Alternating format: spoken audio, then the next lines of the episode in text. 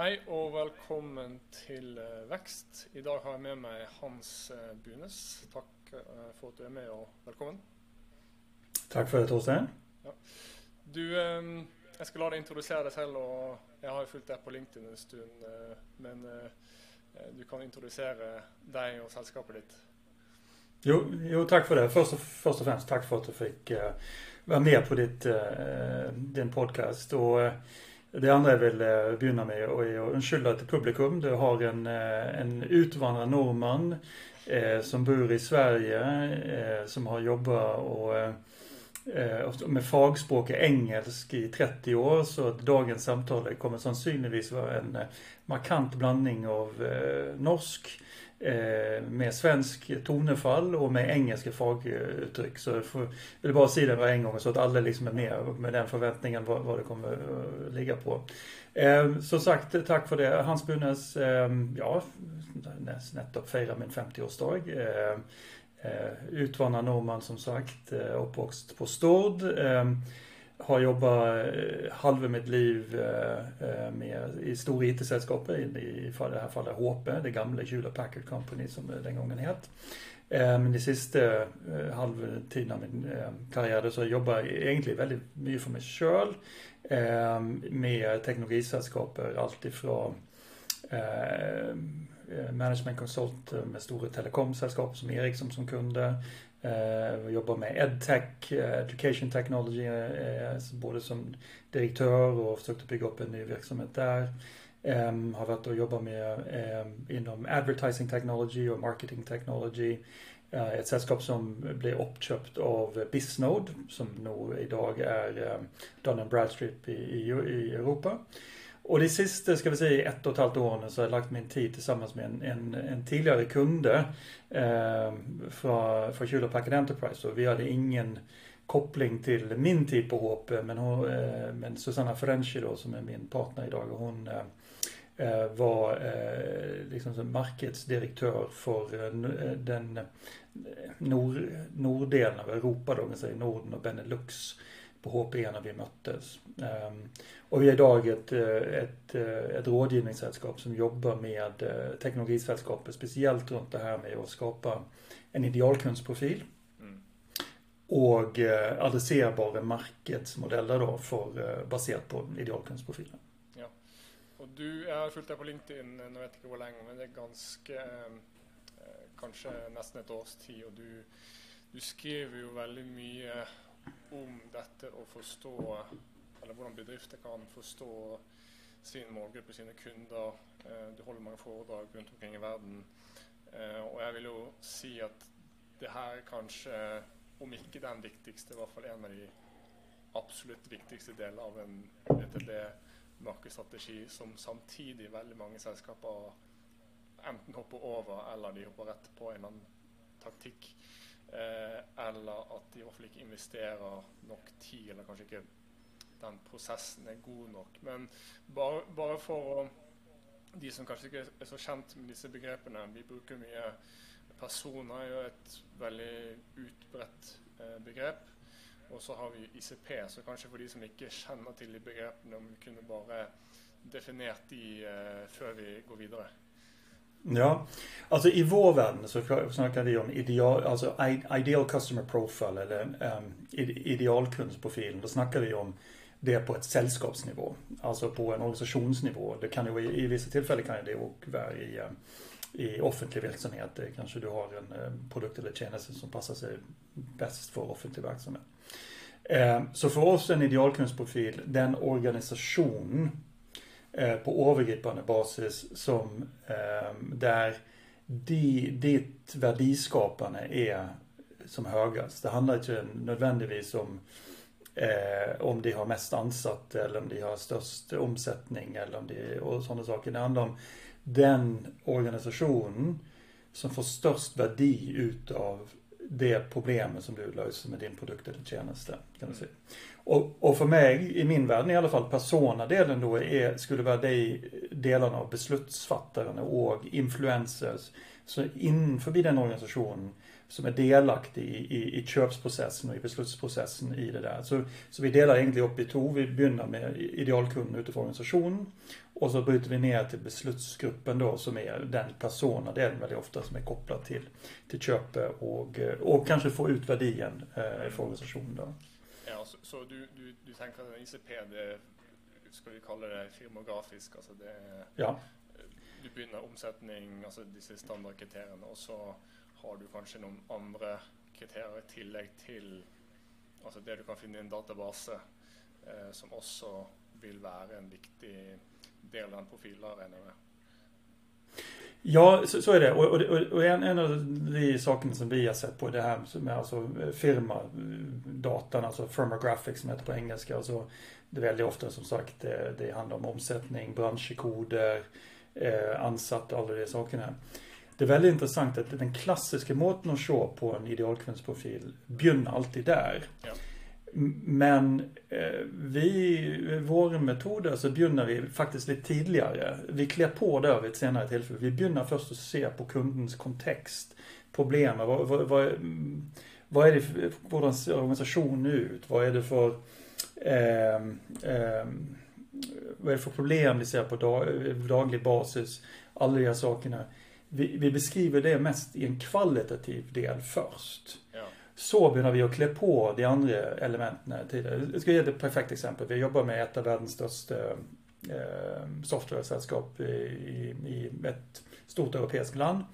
Eh, de tror i sin värld att det finns 45 000 potentiella, om du ser på, bara på firmographic-datan, så skulle du tro att det finns cirka 45 000 organisationer som skulle passa in i deras profil. Är det de tror i det här tillfället.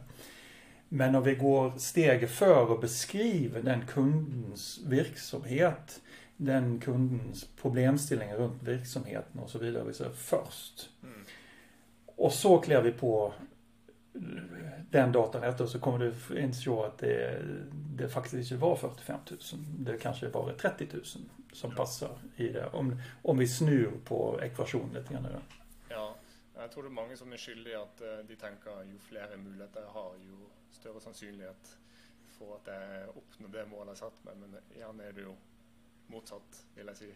Att eh, ju mer, snävre, mer du klarar att snevre in, ju bättre vill du träffa med den annonsen, den eh, uh, säljer e-posten och vad det ska vara. Ja, och det, det, det, det, det är um, min kära kollega hon har ett fantastiskt begrepp som hon kallar för the art of exclusion. Alltså eh, den här förståelsen av att exkludera.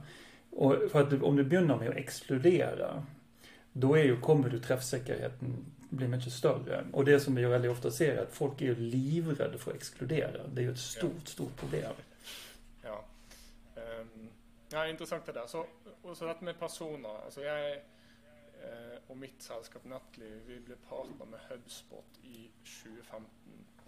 Och då var ju detta med bästa praxis var att du skulle laga persona. Eh, jag tror att många brukar ICP-personer om varandra. Eh, och tror, men mitt problem som jag har fått efter sju år är ju att hvis, det man ofta gör är att sällskapen de eh, lagar en semifiktiv representation av eller du gör en antagelse. De sitter i ett eh, möterum och så gör de en räcka antagelser.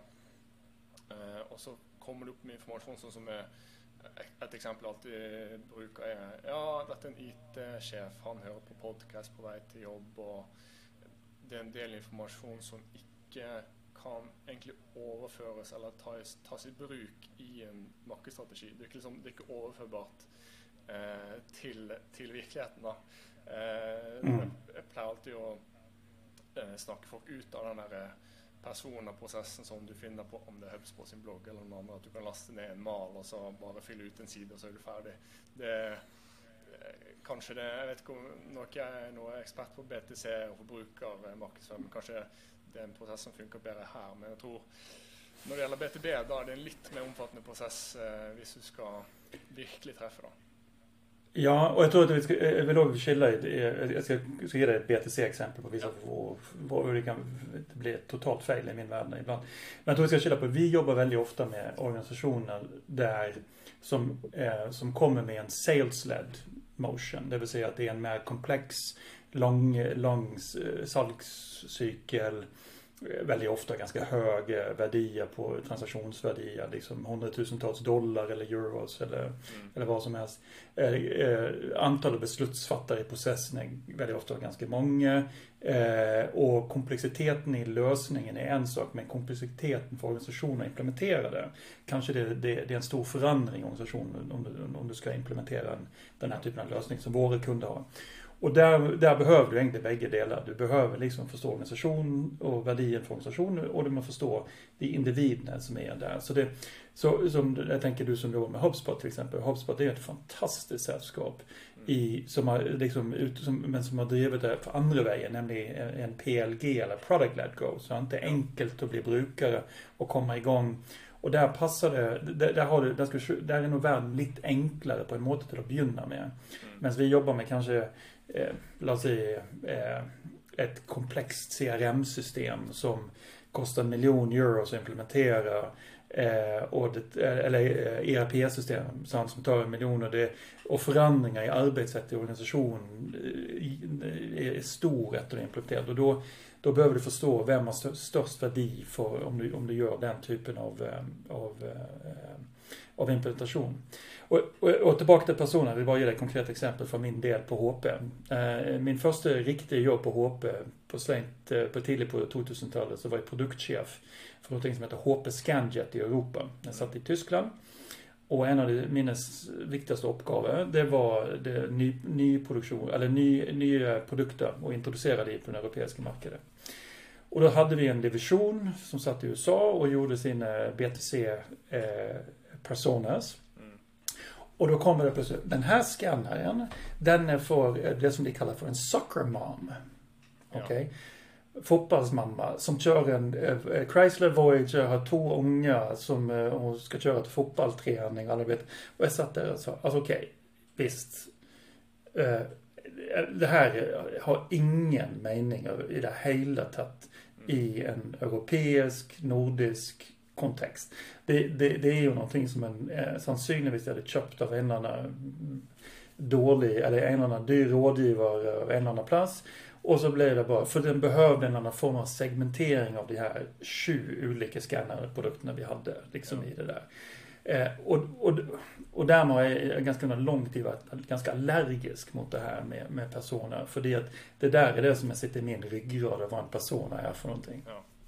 Og så, og så ofte er det kanskje noe som en markedsavdeling gjør, og så er det salg ikke involvert. Det som ikke eh, Det er noe som du føler at du har vært produktiv, og du har laget en fin powerpoint, og så That's it. ikke sant? Altså, det, har ikke noe, det har ikke noe verdi i praksis. Men, men la oss ta um, en ICP. Eh, du har en mhm. bedrift som skal treffe en viss type kunder. Hva vil du si at en uh, ideell kundeprofil ICP Eh, Eh, hva må den bestå av for at den skal være eh, brukbar?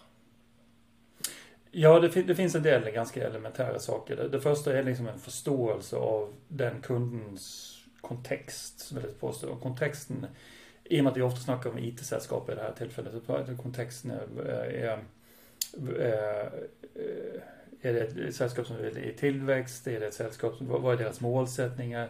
Och så vidare och så vidare. Ehm, så vi måste alltid begynna med det här, den här beskrivelsen av, de, av den kundens eh, nästan business vardag i, i det här. Vi, vi begynner väldigt ofta där. Sant?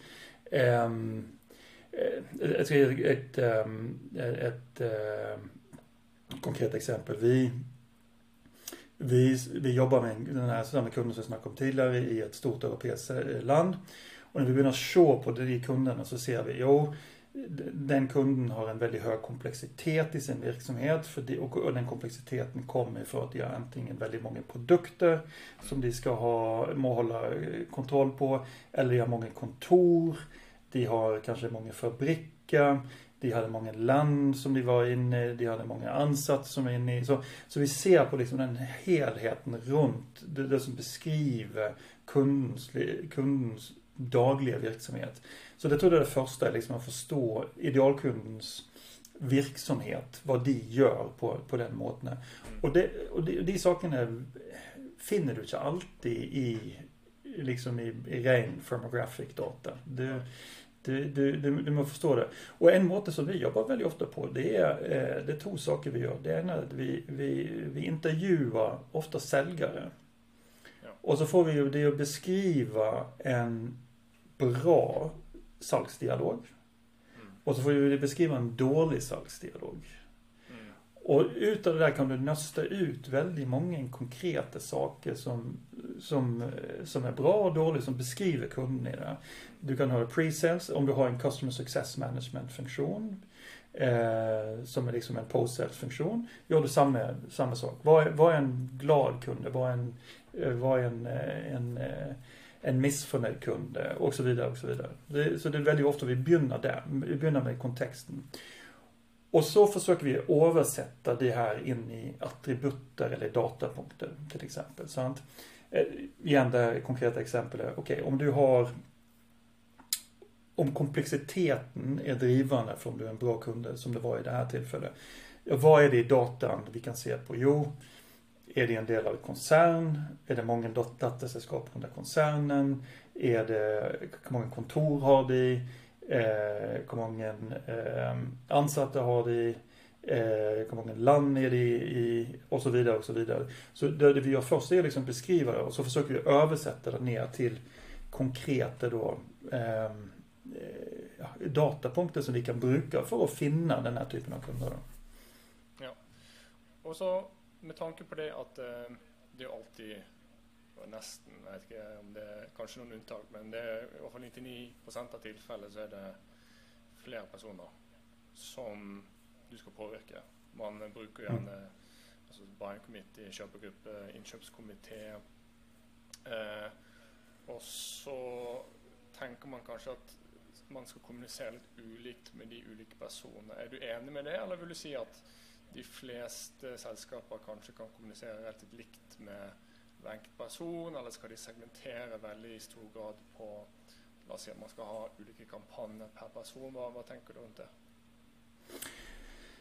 Ehm, um, jag tror att det där är lite olika. Det finns, det finns ett spann där för, för, för påstå. Du kan se, om du har en ehm, um, ett, ett exempel skulle kunna vara, du har en situation där du påverkar alla ansatta med, eh, med den här förändringen. Mm. Då vill du kanske ha en, ha en och där du kan möta motstånd på vägen. Det kan ha, det har jag varit med på. Du ser fagföreningar för exempel som syns att eh, den här teknologin kanske ska implementeras för de att det påverkar de ansatta. Då må du ha en strategi där du, du delar upp det. Eller du har en, väldigt, en, en, en, en enklare, där beslutsgruppen egentligen är tre, fyra personer. Den, eh, själv om inköpsprisen kanske är relativt hög i, i miljonbelopp. Mm. men, men de alla må alla de målas på samma resultat utifrån det. Ja, då, då, då kanske kan du driva en, en och samma strategi. Mm. Men, det, men det, där, det där är, det, det är inte ett långt svar på ett kort spörsmål. För det, det tror jag det, det kommer helt an på situation, på komplexiteten där du, du håller på med. Det är, är mitt svar egentligen. Ja, för någon säger det att um, du ska tillpassa allt innehållet till varje person och det är som hypersegmenterat. Jag vet inte om jag är helt enig i det alltid, för det, det skapar sånn enorm komplexitet hvis du ska faktiskt implementera den eh, strategien. Så, men ja, okay, det kommer an på, an på sällskap och eh, uh, den typen av ting. Ja. Ja, eh, jag kan ge två, konkreta exempel för, för saker som jag jobbade med tidigare när eh, jag jobbade med account-based marketing. Det, då, hade vi, då hade vi flera kampanjer vi drev där vi hade det vi kallar user chooser. Sant? Du har en ramavtalare där sällskapet gör en avtal med eh, sällskapet. Men den ansatte i det här tillfället har då möjligheten till att välja mellan leverantör A, B eller C för den underliggande tjänsten som det är. Pension kan vara ett exempel på det. Eh, eh bilar, eh, alltså eh, firmabilar. Eller ett så enkelt valg som en, som en PC. Och de typer av kampanjer, då gjorde vi olika saker med den typen av kampanjer. För i det här, då är liksom rammeavtalen, då är egentligen bara en, det var en inkörsport. Ja. Stora jobben blir att övertala den som till slut ska välja, själv om det är arbetsgivaren som betalar, för, för det att tjäna. Och då behöver du en helt annan strategi för det. För, för, för, för, för det. Och det är väldigt fascinerande. Jag faktiskt gjorde en del intressanta AB-tester där vi såg Eh, vi hade en kund som, som var i pensionsverksamhet eh, där du kunde se forskjell på sällskapet där då det drev, det drev annonsering mot ansatte. Mm. Och deras penetration och marknadsandel på kontonivå mm. mot det du inte gjorde. Det. Det var, det var väldigt intressant att se. Jag tror du skrev en gång att, eh, för det har varit mycket, det är många på LinkedIn som har starka meningar om det ena och det andra. Och så är, var det flera som har skrivit att uh, ja, displayannonsering det är helt dött. Och så tror jag du skrev en gång att du, dere hade konkreta eh, exempel på hur displayannonsering, när det var målrättet mot riktig typ av sällskap, så hade det faktiskt uh, eh, ganska god effekt. Huskar jag riktigt då? Ja, ja, ja, ja. Jag, har, jag har gjort regressionsanalyser på det där över tre år som visar att eh, forskar mellan AB-tester mellan eh, mellan de, de, de, där det blir, eh, blir, en deal och där det blir, eh, blir ingen deal. Och, och, vi, har, vi har sett på det. där. Alltså, LinkedIn är ju fullt av eh, människor som är fantastiskt kompetenta. Ja. Men som selvfølgelig bygger sig en, en position baserad på, på, på väldigt absoluta uh, meningar. Sant? Ja, starka meningar ja. och det är det som får engagemang. Det, det, var det som driver engagemang. Sant? Ja. Och, och, och sannheten i min erfarenhet är att den är alltid en eller annan plats mitt emellan. Ja. Sant? Vi, det, och det handlar om, det, det här fungerar i den här, det, det är samma som diskussionen med intentdata. Ja. Sant? Intentdata fungerar inte. Jo, jag kan lova dig att det fungerar. För det har jag brukt under många år. Och jag har skapat set opportunity och det stämmer det där. Men om du säljer ett 30 000 dollars eh, annual contract value med en salgcykel på, tre på, på 90 dagar. Ja, då kan jag hålla med att, att signalerna du får ifrån för intent som Bombora eller Science eller vad, vem som helst är för sent. Mm. Säljer du ett system på 15 miljoner dollar där köpsprocessen är 18 månader. Mm då är de signalerna ganska intressanta. Ja.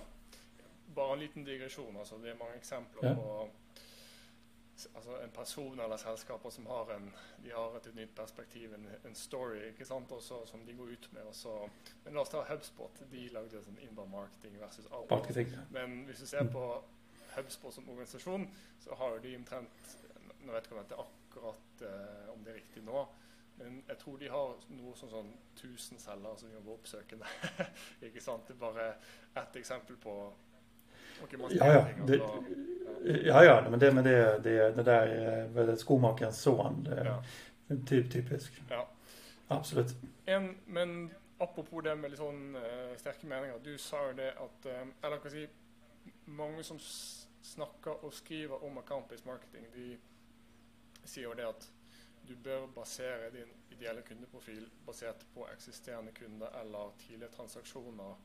Og det er jeg forstår ikke helt uenig med det, for det er ofte et veldig godt, riktig steg for mange.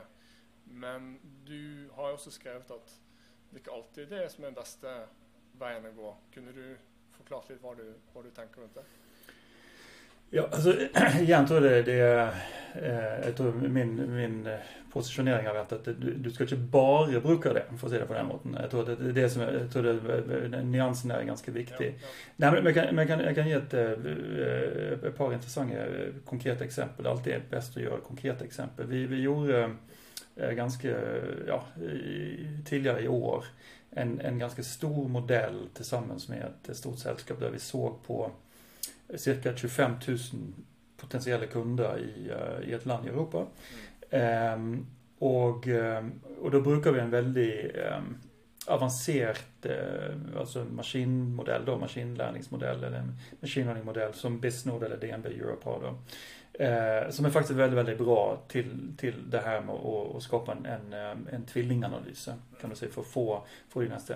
Och den här kunden, när vi gick igenom kunden och för ja, förenklad i en, en machine, machine learning-modell det är ju en, då tränar du den modellen till att bli mer och mer baserat på input och data. Kan du säga. Ja. Och då må du ha, då må du ha en, en, en, en, ett startpunkt och ett, det här startpunkt är väldigt ofta 150-200 goda exempel. Och så är det väldigt bra om du har några dåliga exempel. Mm. Kan du säga på. Det här, här är kunder som är bra och här är kunder som är dåliga. Och i det här tillfället så gick vi igenom den här kunden eh, för att få komma till 150-200 kunder som var bra så gick vi igenom eh, det som var deras existerande kunder. Mm. Eh, ett, vi hade skapat idealkundsprofilen. Mm.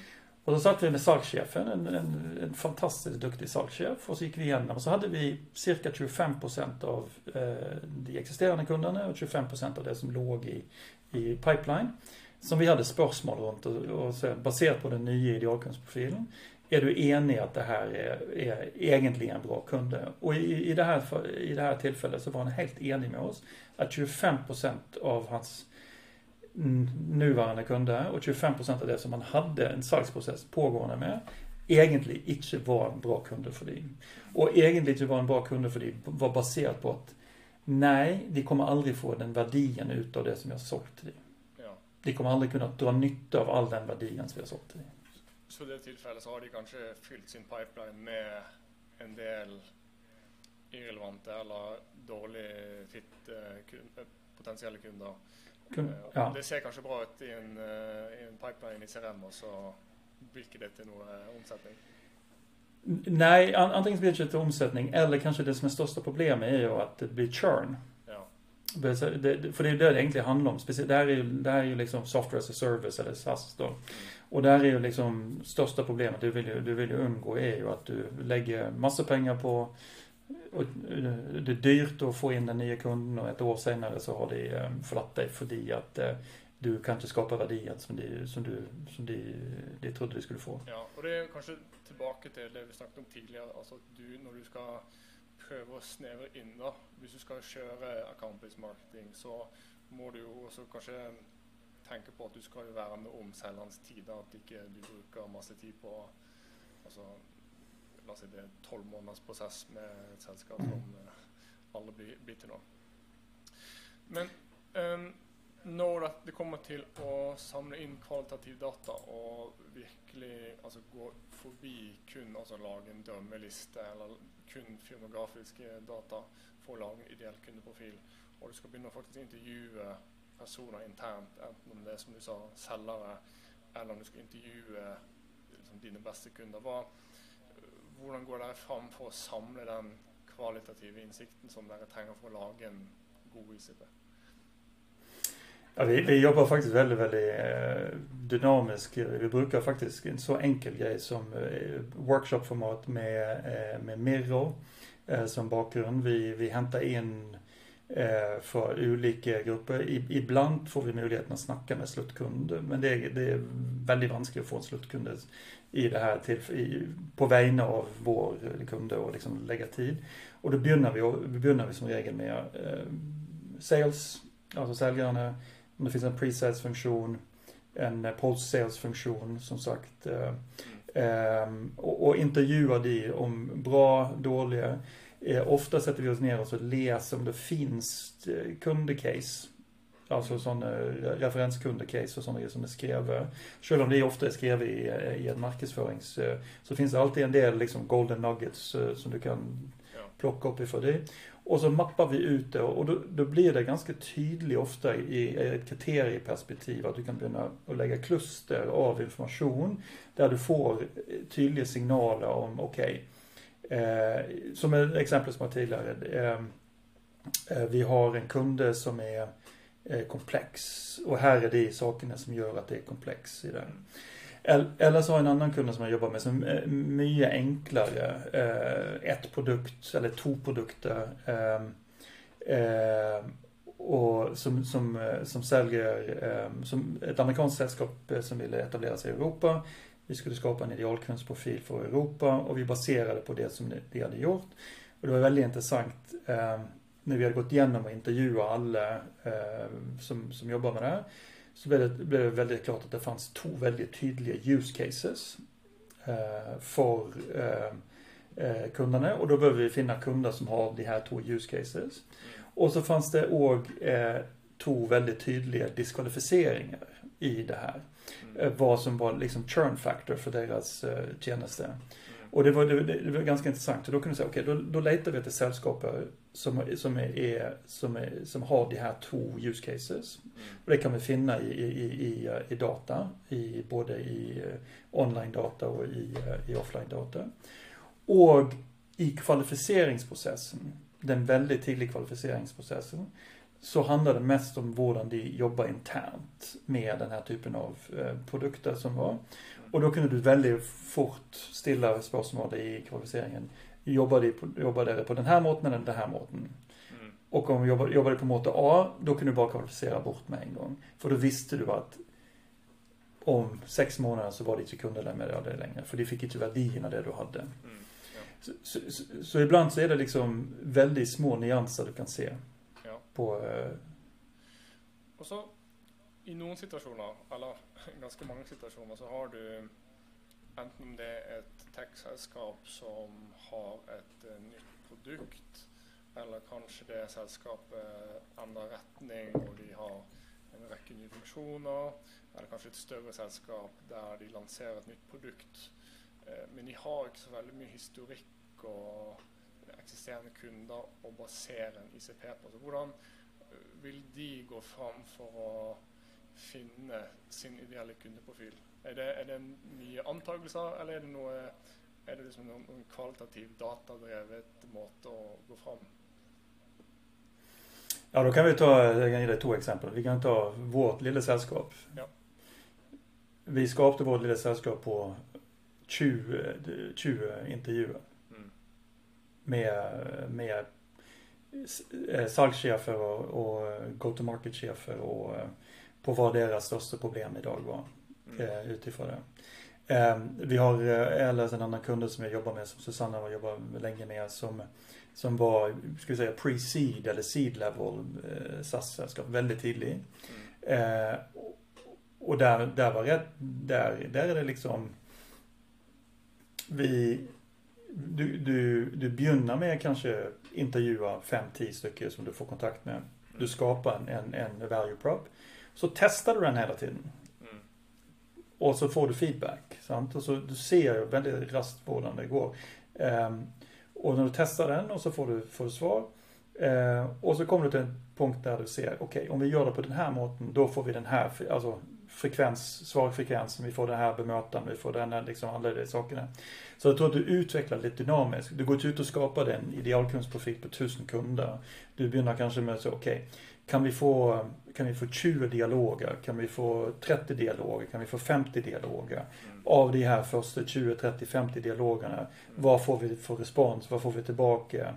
Eh, och i det, här, i det här tillfället är det väldigt vanskligt, tror jag, Torsten, att göra det i en det är kanske vanskligt att göra det i en, liksom i en, i en digital värld.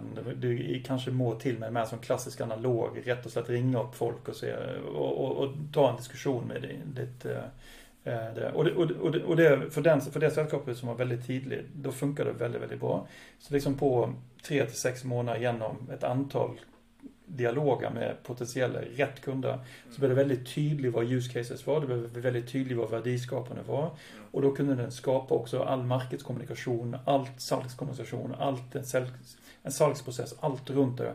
Men det baserar, du begynner med, inte hypotesen, men du begynner med att snacka med potentiella kunder. Ja, alltså du har, du har kanske en viss peiling på, på hvor du skal hen, men så er det egentlig bare en jobb med å så enkelt som å snakke med folk, og så bare forfine verdiforslaget bra over tid, og så Ja. Ja, det är en evig process. Okej.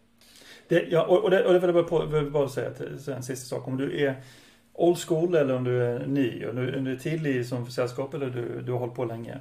Idealkundsprofilen är ingen statisk Mm. exercis. Mm. Den är dynamisk. Det som är väldigt viktigt är att förstå vad är det som triggar ditt behov för att förändra din idealkundsprofil. Mm. Jag tog eh, två konkreta exempel i det här fallet. Ett som är publikt, eh, ett som är officiellt och ett, eh, ett stort sällskap och ett väldigt, väldigt litet sällskap. Mm. Så vi hade det här sällskapet som vi jobbar med. Och deras största problem, de sålde en, en HR-tech till tunga sällskap med, med väldigt mycket ansatte som gjør masse manuelle prosesser sant? for å skape engasjement blant de her. Og deres største problem var at de var kommet så De hadde en, en ganske lang backlog av utviklingsmuligheter som gjorde at for å serve kundene så behøvde de gå etter organisasjoner med mer enn 1000 ansatte. Fordi det fanns ingen verktøy for å gjøre noe selv hos kunden. Sant? I det øyeblikket de introduserer verktøy som kunden kan onboarde seg sjøl med, da går idealkunstprofilen ned til 100 ansatte. For da blir det plutselig Og da er det, og da er det viktig å forstå hva er det som er triggering sant? For, for å gjøre det. Sant? Jeg fortalte tidligere at, at Susanna eh, jobbet eh, for uh, Hewlett Packard Enterprise. og de, de holder jo på med å um, har jo hatt, er jo liksom en datasenterleverandør. Det er storage, det er server, det er nettverksløsninger for, for det. Og deres største, de største konkurrent har jo vært alle selskap som har flytta seg til til liksom cloud. Sant? Til, uh, Google, til AWS, Microsoft Azure og, og så videre. Det, det øyeblikk de har nå lansert sin portefølje som as a service, mm. da forandrer jo idealkunden seg igjen for de, sant? Fordi at de hadde ingenting kunne tilby de som ville ha, ha det her i, i, i cloud, sant? Eller as a service. Mm. Eh, men det øyeblikk de lanserer hele sin portfølje som as a service, da forandrer idealkunden seg igjen. sant? Mm. Så det å forstå de her, den her dynamikken i din egen, din egen selskap, i ditt eget, eget marked, at det fins visse saker som Du kommer til et punkt der ok, nå må vi oppdatere vår idealkundeprofil. Mm. Veldig bra. Eh, veldig interessant. Veldig mye innsikt om eh, å forstå sine kunder bedre. Hvis eh, de som hører på og ser på, ønsker å finne deg på LinkedIn eller lære mer om selskapet, hvor, hvor kan de gå? Ja, om de kan, eh, kan huske bunesfrenchi.com, så har vi faktisk vår egen hjemmeside der. som Det, det er vel den enkleste plassen. Og, og, der finnes det, Men mitt navn er ganske enkelt å finne på, på, på LinkedIn òg, så bare ta kontakt med. Ja, det, det, er verdt å Okej, okay, tusen tack för att du var med, och så tack för de som hørte på. Hej! Tack Torsten!